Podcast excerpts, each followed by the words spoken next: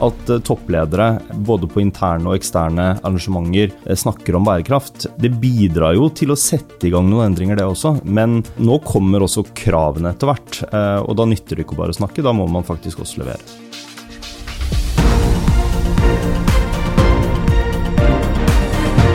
Dette er All In med Oslo Business Forum.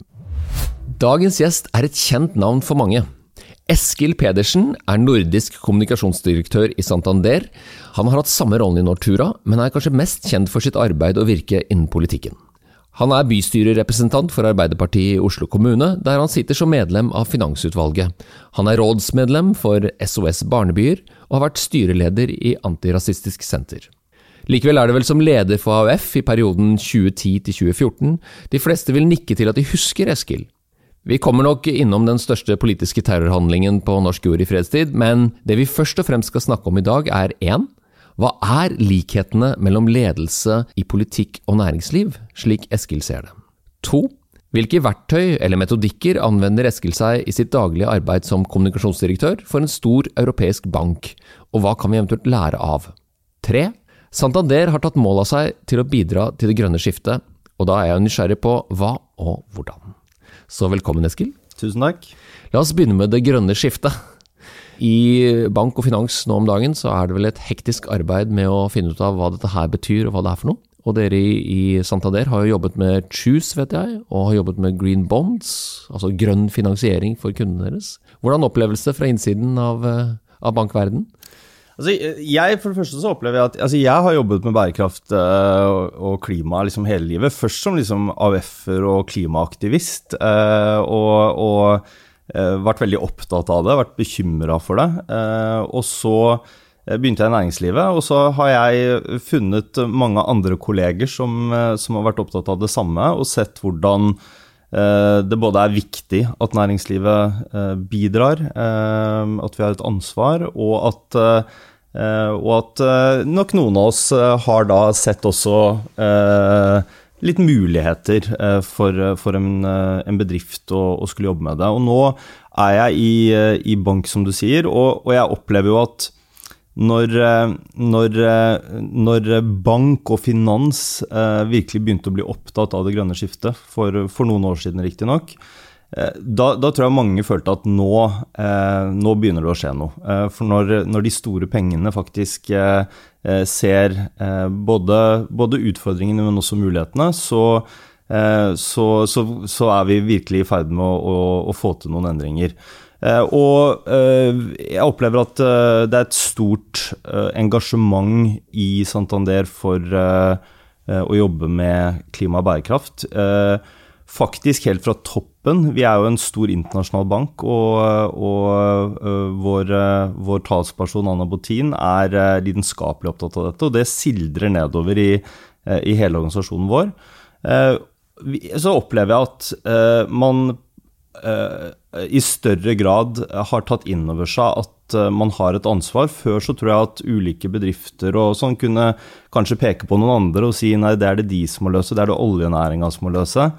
Eh, sånn er det ikke lenger. Jeg tror Nå er det en erkjennelse av at alle har et ansvar. Eh, og det er veldig bra, for det er sånn vi får til, får til resultater. Eh, så, så, opplever jeg en utålmodighet blant kundene våre. Jeg opplever en utålmodighet blant resten av de ansatte i, i Santander. At man har lyst til å jobbe et sted som er en del av, av løsninga ikke problemet. Da. Og det er klart at Santander har et ansvar. Vi er en stor bank. Vi finansierer hva skal jeg si, sikkert de aller fleste av de tingene som vi er med på å finansiere gjennom lån, eh, har jo et klimaavtrykk. Eh, vi er jo eh, ledende i både Norge og Norden på bilfinansiering. Så er, transport er åpenbart viktig for å løse klimautfordringen, at vi får ned utslippene der. Um, og um, vi gjør mange ting. Uh, vi, for oss handler det om å gjøre det grundig fra, fra, start til slutt. Og det handler om å sørge for at alt vi gjør i vår egen organisasjon er mest mulig uh, klimavennlig. Uh, men, men, selvfølgelig også at vi bidrar gjennom de produktene vi har, til at, til at folk kan leve mer klimavennlig. Um, så vi finansierer jo biler, og en veldig stor andel, og, den, den, der vi har den største økningen i, i våre uh, lån, er jo til elbiler. Så sånn sett er vi også med på å bidra til det alle snakker om, det grønne skiftet. Det, du sier at du har vært opptatt av dette lenge, og, og, og, mange har jo sett på bank og finans nå som den, den aktøren som kan måle og, og sørge for rapportering gjennom å differensiere på billige og litt mindre billige lån. Men så har vi et, et, element her av grønnvasking, som har vært oppe og diskutert lenge. Altså Nå har det blitt såpass mange som er opptatt av det. Mange ønsker å bidra med sitt. Du snakker om både bedrifters rolle og privatpersoners rolle. Er du helt ubekymret når du går inn i dette, eller er det bare å kjøre på, og så ser vi om vi klarer å få ned utslippene og ta vare på jorden og overlevere den til neste generasjon? Nei, jeg er ikke ubekymret, fordi at øh, øh utfordringene vi står overfor er så store, og eh, jeg tror ikke noen egentlig kan si at de gjør nok eh, i dag. Og vi har ikke alle løsningene selv her vi står nå. Eh, sånn at grønnvasking er definitivt en utfordring for, for hele næringslivet. vi har veldig lyst til å fortelle om resultatene vi faktisk har. Og, og, som jeg sier, vi gjør mye når det kommer til, til det grønne skiftet, men vi gjør ikke nok. Eh, og det er eh, en erkjennelse, tror jeg, både i Santander, men også mange andre organisasjoner. Eh, så for oss så handler det om å som jeg sier, gjøre jobben grundig. Starte, starte ved begynnelsen. Sørge for at vi vet nok om vår egen virksomhet, hvordan, hvordan vi bidrar til, til, med klimaavtrykk. Det må vi kartlegge enda bedre. Det kommer mange nye krav til oss, det er vi veldig klar over. Og vi jobber hardt med å identifisere de og, og, og, og sørge for at, at vi løser, løser, de tingene når de kravene kommer. Eh, og så handler det om å um, lytte til samfunnet der ute og lytte til kundene. Eh, det er jeg opplever et, et, stort ønske blant mange om å kunne ta mer miljøvennlige valg. Da må vi legge til rette for det. Så, så Um, men det er, en, det, er, det er, vanskelig å både, både, være litt stolt over de tingene man faktisk gjør, samtidig som man uh, ikke, ikke uh, overspiller, da, og, men er ærlig på de utfordringene man står i. Og så er det handler litt om kommunikasjon. Jeg vet at eh, det går en dokumentar nå på, på NRK om Greta Thunbergs eh, det kvaler nå som hun har fylt 18. Og når hun, faktisk retrospektivt ser litt tilbake de to årene bare som har gått, hvor hun har vært en, eh, en veldig viktig stemme og påvirker. Og hun sier jo i denne dokumentaren at hun skulle ønske at de ikke hørte på henne. Mm. Men at de hørte på den forskningen og den dokumentasjonen som er så entydig. Men det hun opplever, at den er jo så kompleks, og den griper inn i så mye av det som vi er redde for at kommer til å endre seg. Og da vil jo folk bli mer konservative og engstelige, og, kanskje gå for litt sånn enklere modeller og forklaringer. Er, er du enig i den uh, bekymringen til Greta Thunberg? da? Men jeg tror det er en stor uh, forventning uh, der ute i hele samfunnet. Jeg har en forventning, du har en forventning. Eh, til at vi eh, At bedrifter, partier, organisasjoner At alle skal bidra. Han André skal bidra. Ja, eh, ikke sant? men ikke og, jeg, nødvendigvis. Og, ja, men, men, vi har en forventning til at andre skal bidra. og da er det jo en veldig sånn menneskelig egenskap å ville respondere på det, og ville, ville vise fram at man gjør det. og så tror jeg altså, Vi kan velge å se på det negativt. Vi kan velge å se på det negativt at bedrifter snakker om bærekraft, men ikke gjør nok. Selvfølgelig er det en utfordring. Det er resultatene som teller. Vi må alle bidra til å få ned utslippene. Men det er jo også veldig bra at næringslivet nå eh, kappes om å, å både prøve å bidra med klimaløsninger, men også at de snakker om det. At eh, toppledere, eh, både på interne og eksterne arrangementer, snakker om bærekraft det bidrar jo til å sette i gang noen endringer, det også. Eh, så vi kan se på det som et problem. Jeg tenker at det først og fremst kan være en mulighet. Men eh, nå kommer også kravene etter hvert, eh, og da nytter det ikke bare å snakke, da må man faktisk også levere. Per Espen Stoknes sier jo dette, han har gjort det lenge, at vi bør vippe det over til det mulighetsrommet som du er inne på, og at kommunikasjon bør være omtrent 75 mot det positive, og ikke vippe over i den der domedagsfrykten, mm. som jo er veldig altså det er jo, Man kan jo bli mørkredd og miste nattesøvnen når man begynner å tenke på konsekvensene av denne fortsette, fortsette atferden som vi, vi, bidrar med. da. Mm. Så, men det syns jeg er sånn fascinerende. Vipp det over til noe mulighetsrom og handlingsrom og noe positivt. Så, så der er vi jo enige. Så mm. blir det spennende å følge Santander sitt, uh, sine nye uh, spennende ting. Er, er, det noe du vil dele med oss som vi kan høre på som dere jobber med, eller er det for tidlig å røpe noe mer? Jeg tror alle bedrifter bør se på liksom kjernevirksomheten sin. Uh, kjernevirksomheten vår er utlån, og, og der bidrar vi med grønne obligasjoner, som jo går til å finansiere eh, grønne produkter, da. Eh, selv om her er begrepene alltid litt vanskelig, og, og, folk legger litt ulike ting i det. Men helt konkret betyr det at vi, vi tar opp grønne obligasjoner i finansmarkedet og finansierer elbiler. Eh, og vi ønsker jo at vi skal ha en overgang til, til fossilfrie biler, så det er en positiv ting. Og så jobber vi også med, med andre typer ting og ser på hvordan vi kan finansiere grønne energiløsninger f.eks. I, i folks private privathusholdninger. Mm, spennende. Da La oss eh, bytte tema. fordi Jeg har, jeg har gleda meg til dette, Eskil. skal Du vite. Jeg, jeg, du har vært et uh, politisk vesen antageligvis siden du var ganske ung. Når, 15 år, 15 år meldte jeg meg inn i AF. Ja. Så det er over halve, godt over halve livet mitt. Ja.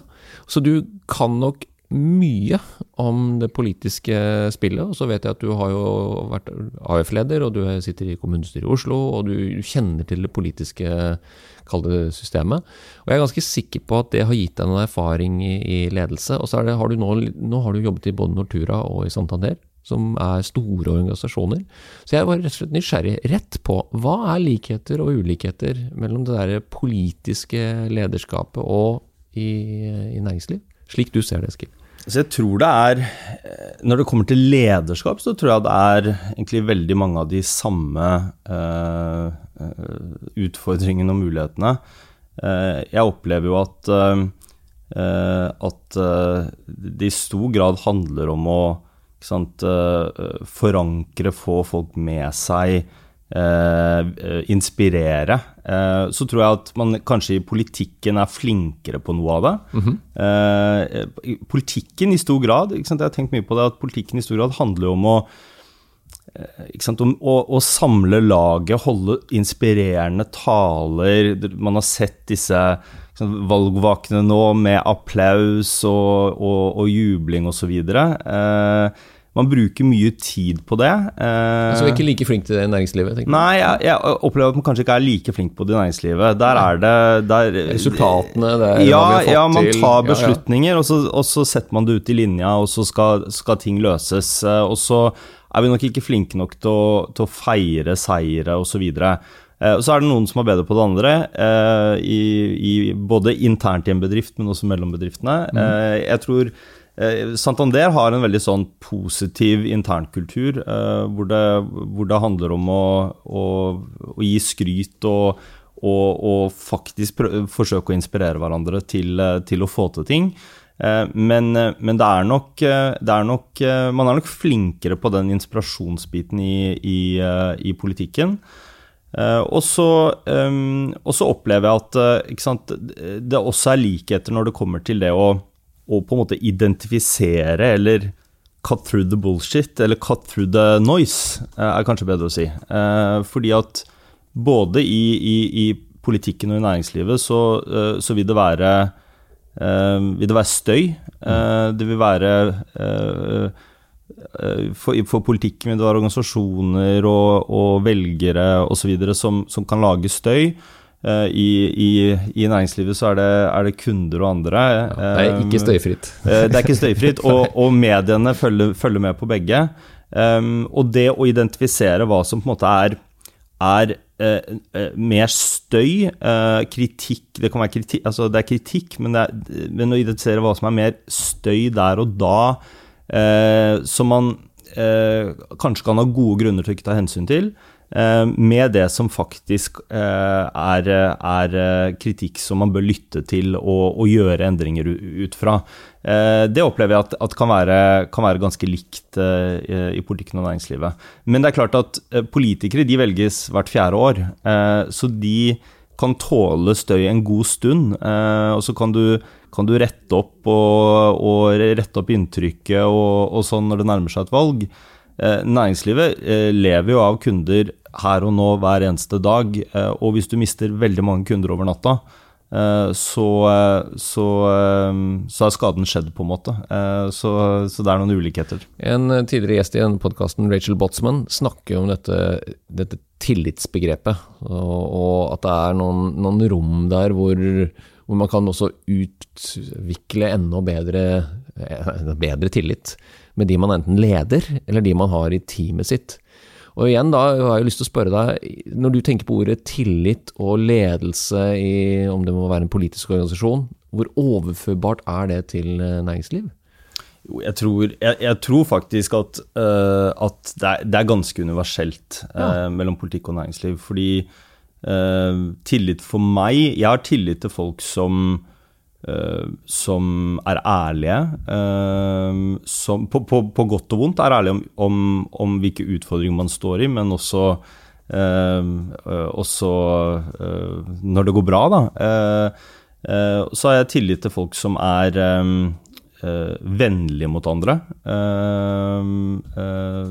og og det opplever jeg jo at det er, det er ikke noe forskjell på, på, det i politikken og i næringslivet. Så jeg, jeg, tror at, jeg, tror på mange av disse sentrale tingene rundt lederskap, eh, tillit, eh, så, så, så, ser kanskje ting litt annerledes ut i, i dagliglivet, men, men det, handler om, det handler om helt grunnleggende ting for mennesker, egentlig.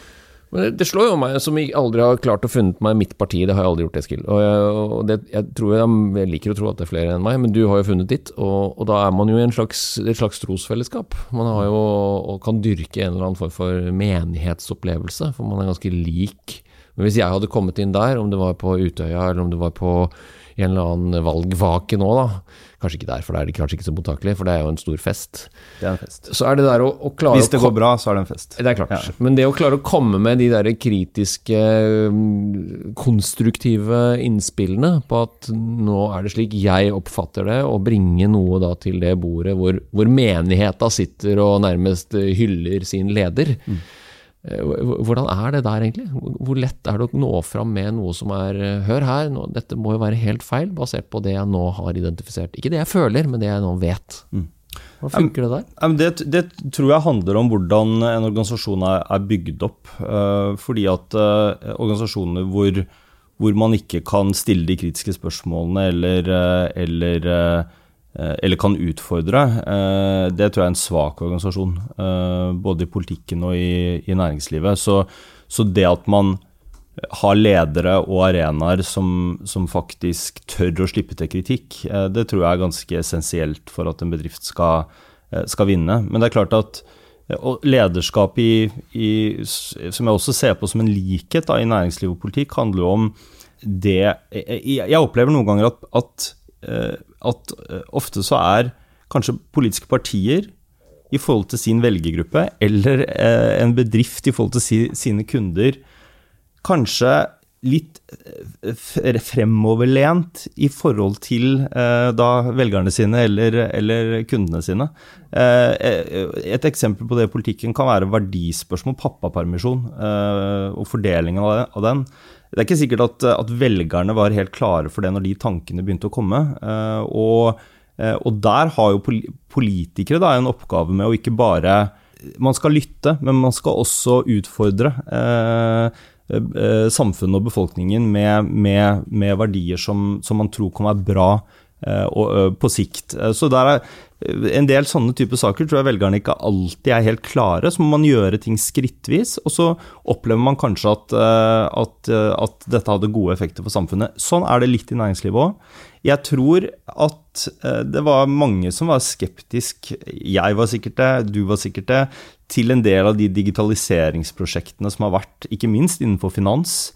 Hvor kundene kanskje var litt bekymra for at man ikke kunne, kunne, gjøre ting på samme måte. og så må, man utfordre litt, og så når de løsningene er på plass, så ser man jo hvilken forenkling det gjør i, i hverdagen. Så jeg tror både i politikken og i næringslivet så, så, er det en likhet der. At man skal lytte til Eh, kundene sine. Og, man, og man, kan ikke, eh, man, kan ikke, gjøre endringer så raskt at kundene faller fra, eller, eller velgerne faller fra. Men, eh, men man, ut, man, man, har også en rolle hvor man må utfordre litt. Vet du hvor uttrykket 'leave no one behind' brukes oftest nå om dagen? Det er bare en test. Du kan si pass. Leave no one behind, nei. Det brukes som innføringen av EUs green deal. Ja. Det er en av de pilarene EU mener at de skal restarte den europeiske økonomi rundt. Og, og, det går på en sånn overføringsidé som de har satt opp, at de fattigste landene med den største arbeidsledigheten og de dårligste forutsetningene for å lykkes med dette skiftet, mm de skal få de beste støttetiltakene. Høres ut som Arbeiderpartipolitikk. Veldig. Ja, Men det kommer altså fra EU. Eh, det blir spennende å se hvordan de lykkes med det. Jeg, jeg, du er jo en kommunikasjonsmann, så det er spennende å snakke med deg om dette også. For er det slik, sett fra utsiden, har dette med mediatrykket Er den blitt mer personifisert og personorientert? Eh, og mindre sak og gruppe? Og organisasjon. I hvert fall slik opplever jeg det. At hvis man gjør noe som politiker, eller opplever noe som politiker, så er det personen som ofte henges ut. Mm. Men sånn er det også i næringslivet. Mm. De leter jo etter syndebukken, eller noen som har fått en stor bonus, eller noe som kan bokstavelig talt klistres opp på Dagens Næringsliv eller VG, eller hvor, det er. Mm. Er det riktig? Opp? Ja, det, det, opplever jeg til en viss grad er riktig. Og det tror jeg både gjelder fra media sin side. ikke sant, altså Eh, det er, det, er, det er, mye mer i en valgkamp for eksempel, det er mye mer fokus på statsministerkandidater. Det har vært voldsomt mye nå med, med, med tre statsministerkandidater. Ja. Enn eh, politikken, kanskje, eller partipolitikken. Men det skal sies at, at eh, jeg tror samtidig velgerne er klokere enn det man gir de kreditt for. Da, fordi eh, de velger partier. Uh, Erna Solberg kan være en populær statsminister, men tape et valg. Jens Stoltenberg var en stats, uh, populær statsminister, men, men tapte også et valg. Så, så, man velger nok i større grad partiene.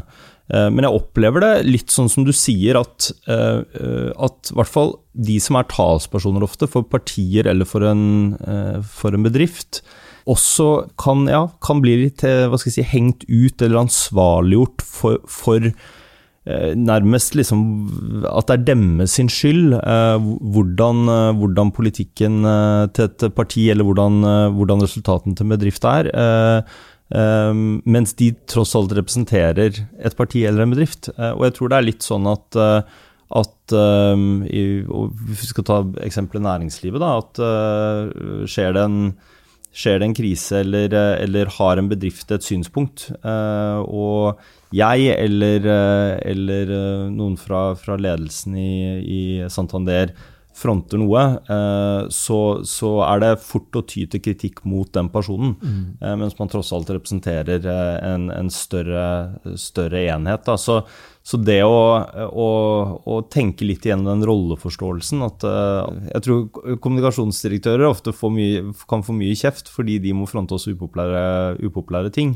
Eh, men vi prøver jo å gi, eh, gi informasjon og så gode svar som mulig. Da. Så det, nå tror jeg ikke at, at, det er så mange som går rundt og, og syns veldig synd på kommunikasjonsdirektører, men, eh, men, det er uansett greit å ha det med seg. Men du sto jo i denne fryktelige situasjonen for ti år siden og fikk mye oppmerksomhet på antageligvis både godt og vondt.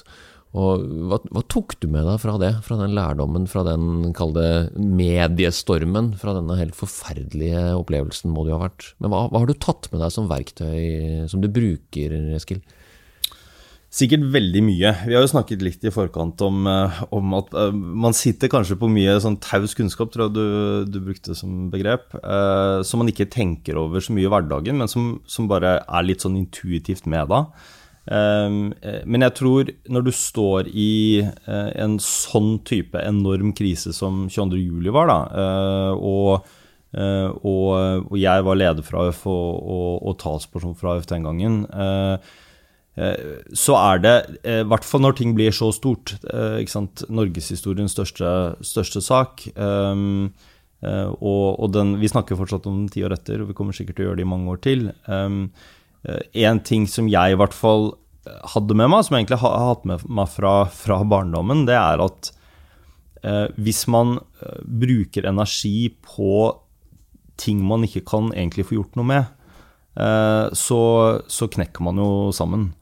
Eh, så det også å identifisere, akseptere at det er en del ting man ikke kan få gjort noe med, akseptere at man ikke kan styre alt, eller eh, eller, eh, eller være, være, en del av alle diskusjoner, det tror jeg er ganske viktig. Um, så, så, så, uh, så, er det sikkert veldig mye å si om, om den gangen og, og, uh, og, og, hva man gjorde, men det handler jo, det handler jo om å lede. Uh, det handler om å Den gangen så handlet det om å, å være tydelig på at vi ikke skulle la oss true bort Eh, at vi skulle stå opp for det vi trodde på, osv., osv. Men også, eh, eh, altså også kommunisere da til, til alle de som, som, var berørte den gangen. Den vanskelige balansegangen som, som var etter 22. juli.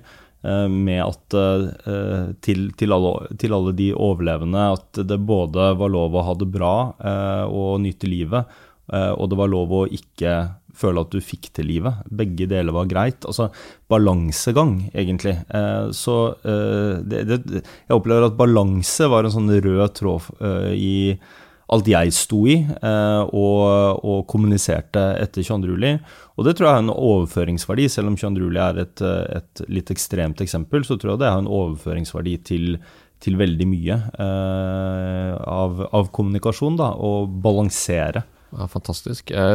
Veldig spennende å høre på deg. Og jeg kan utfylle det du snakker om, for jeg har vært eh, foreleser og lærer på BI i mange år og hatt flere som opplevde Utøya. Fantastiske eh, ressurspersoner, og sårbare også, akkurat sånn som du sier. Så jeg kan jo støtte deg helt i det. Og det hvilke refleksjoner gjør du deg over at det har gått ti år, og det vokser jo opp da mennesker i Norge i dag som var altfor små til å skjønne hva dette her er, og bare har sett noen fragmenterte TV-bilder og hører vi snakker om det sånn ca. én gang i året, mm.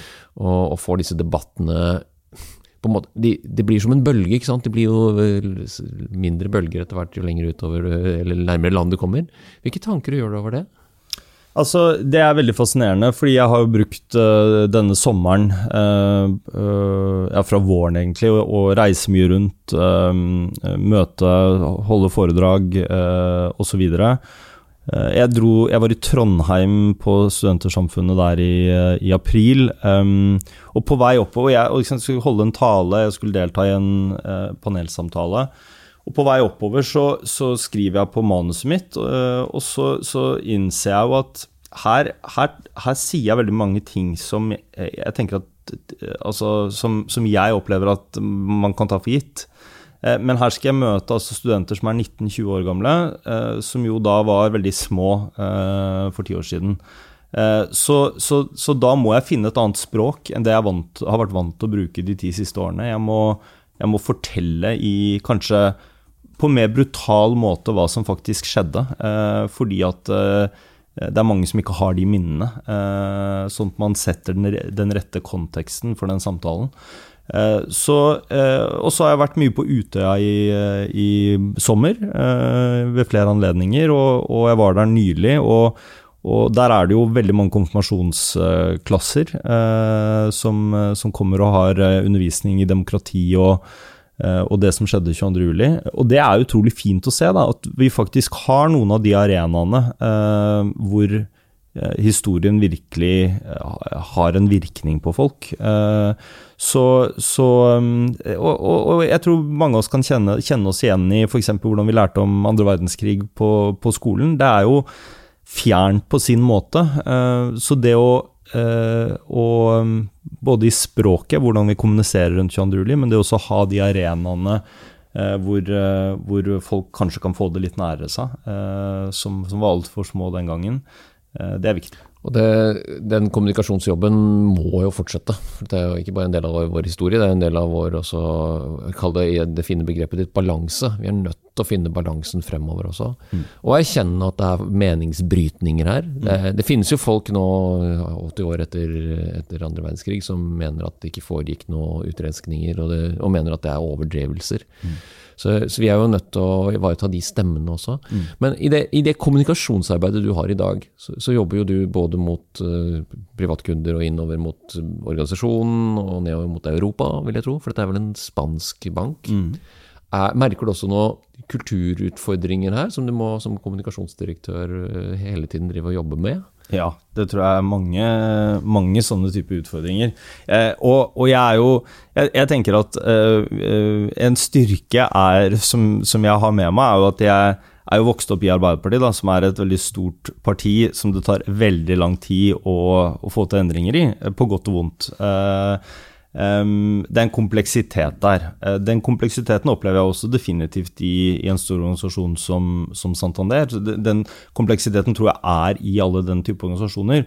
Uh, og det, det, handler jo om å, å, å også innse at, uh, at det er, ikke, det er ikke bare Hvis man har en sånn åpenbar utfordring, så er det ikke bare å knipse i fingrene eller, eller vri om en bryter og ba, bare løse det. fordi at Gjør man ett valg, så får det konsekvenser for andre. Den balansegangen igjen. Det å, det å rett og slett erkjenne at ting er komplisert, eh, og så må du manøvrere i det. Eh, og manøvrere på den måten at du, eh, at du prøver å ivareta da, de, de, de, de, ulike interessegruppene som er der ute. Så for min del så handler det selvfølgelig om både å være i dialog med, med Madrid, eh, som er vår eier, eh, om hvilke utfordringer vi står i i, i Norge eller Norden.